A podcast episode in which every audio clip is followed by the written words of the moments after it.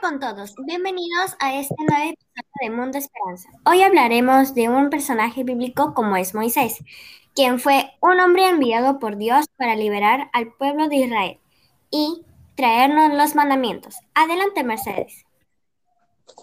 Es cierto, Gaby. Moisés fue un hombre enviado por Dios.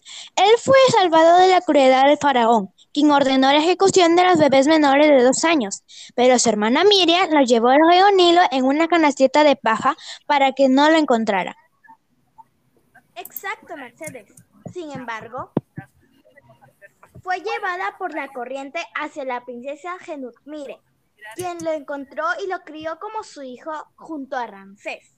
Al crecer, él huyó de Egipto por haber matado a un egipcio que estaba pegando a un israelita.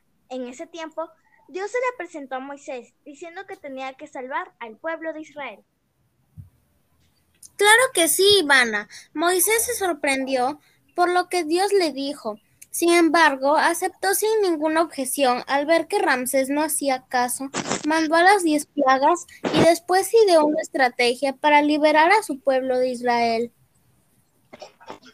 Así es, Victoria. Después Ramsés se dio cuenta que no debió liberar al pueblo de Israel y por eso decidió perseguirlos hasta encontrarlos.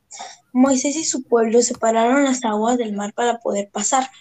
Cuando llegaron a la otra orilla, Ramsés estaba persiguiéndolos. Por eso, Moisés no tuvo más remedio que cerrar las aguas, haciendo que Ramsés y su ejército se ahogaran. Este podcast redactó la vida de Moisés. Espero que les haya gustado. Nos vemos en un nuevo episodio. Gracias.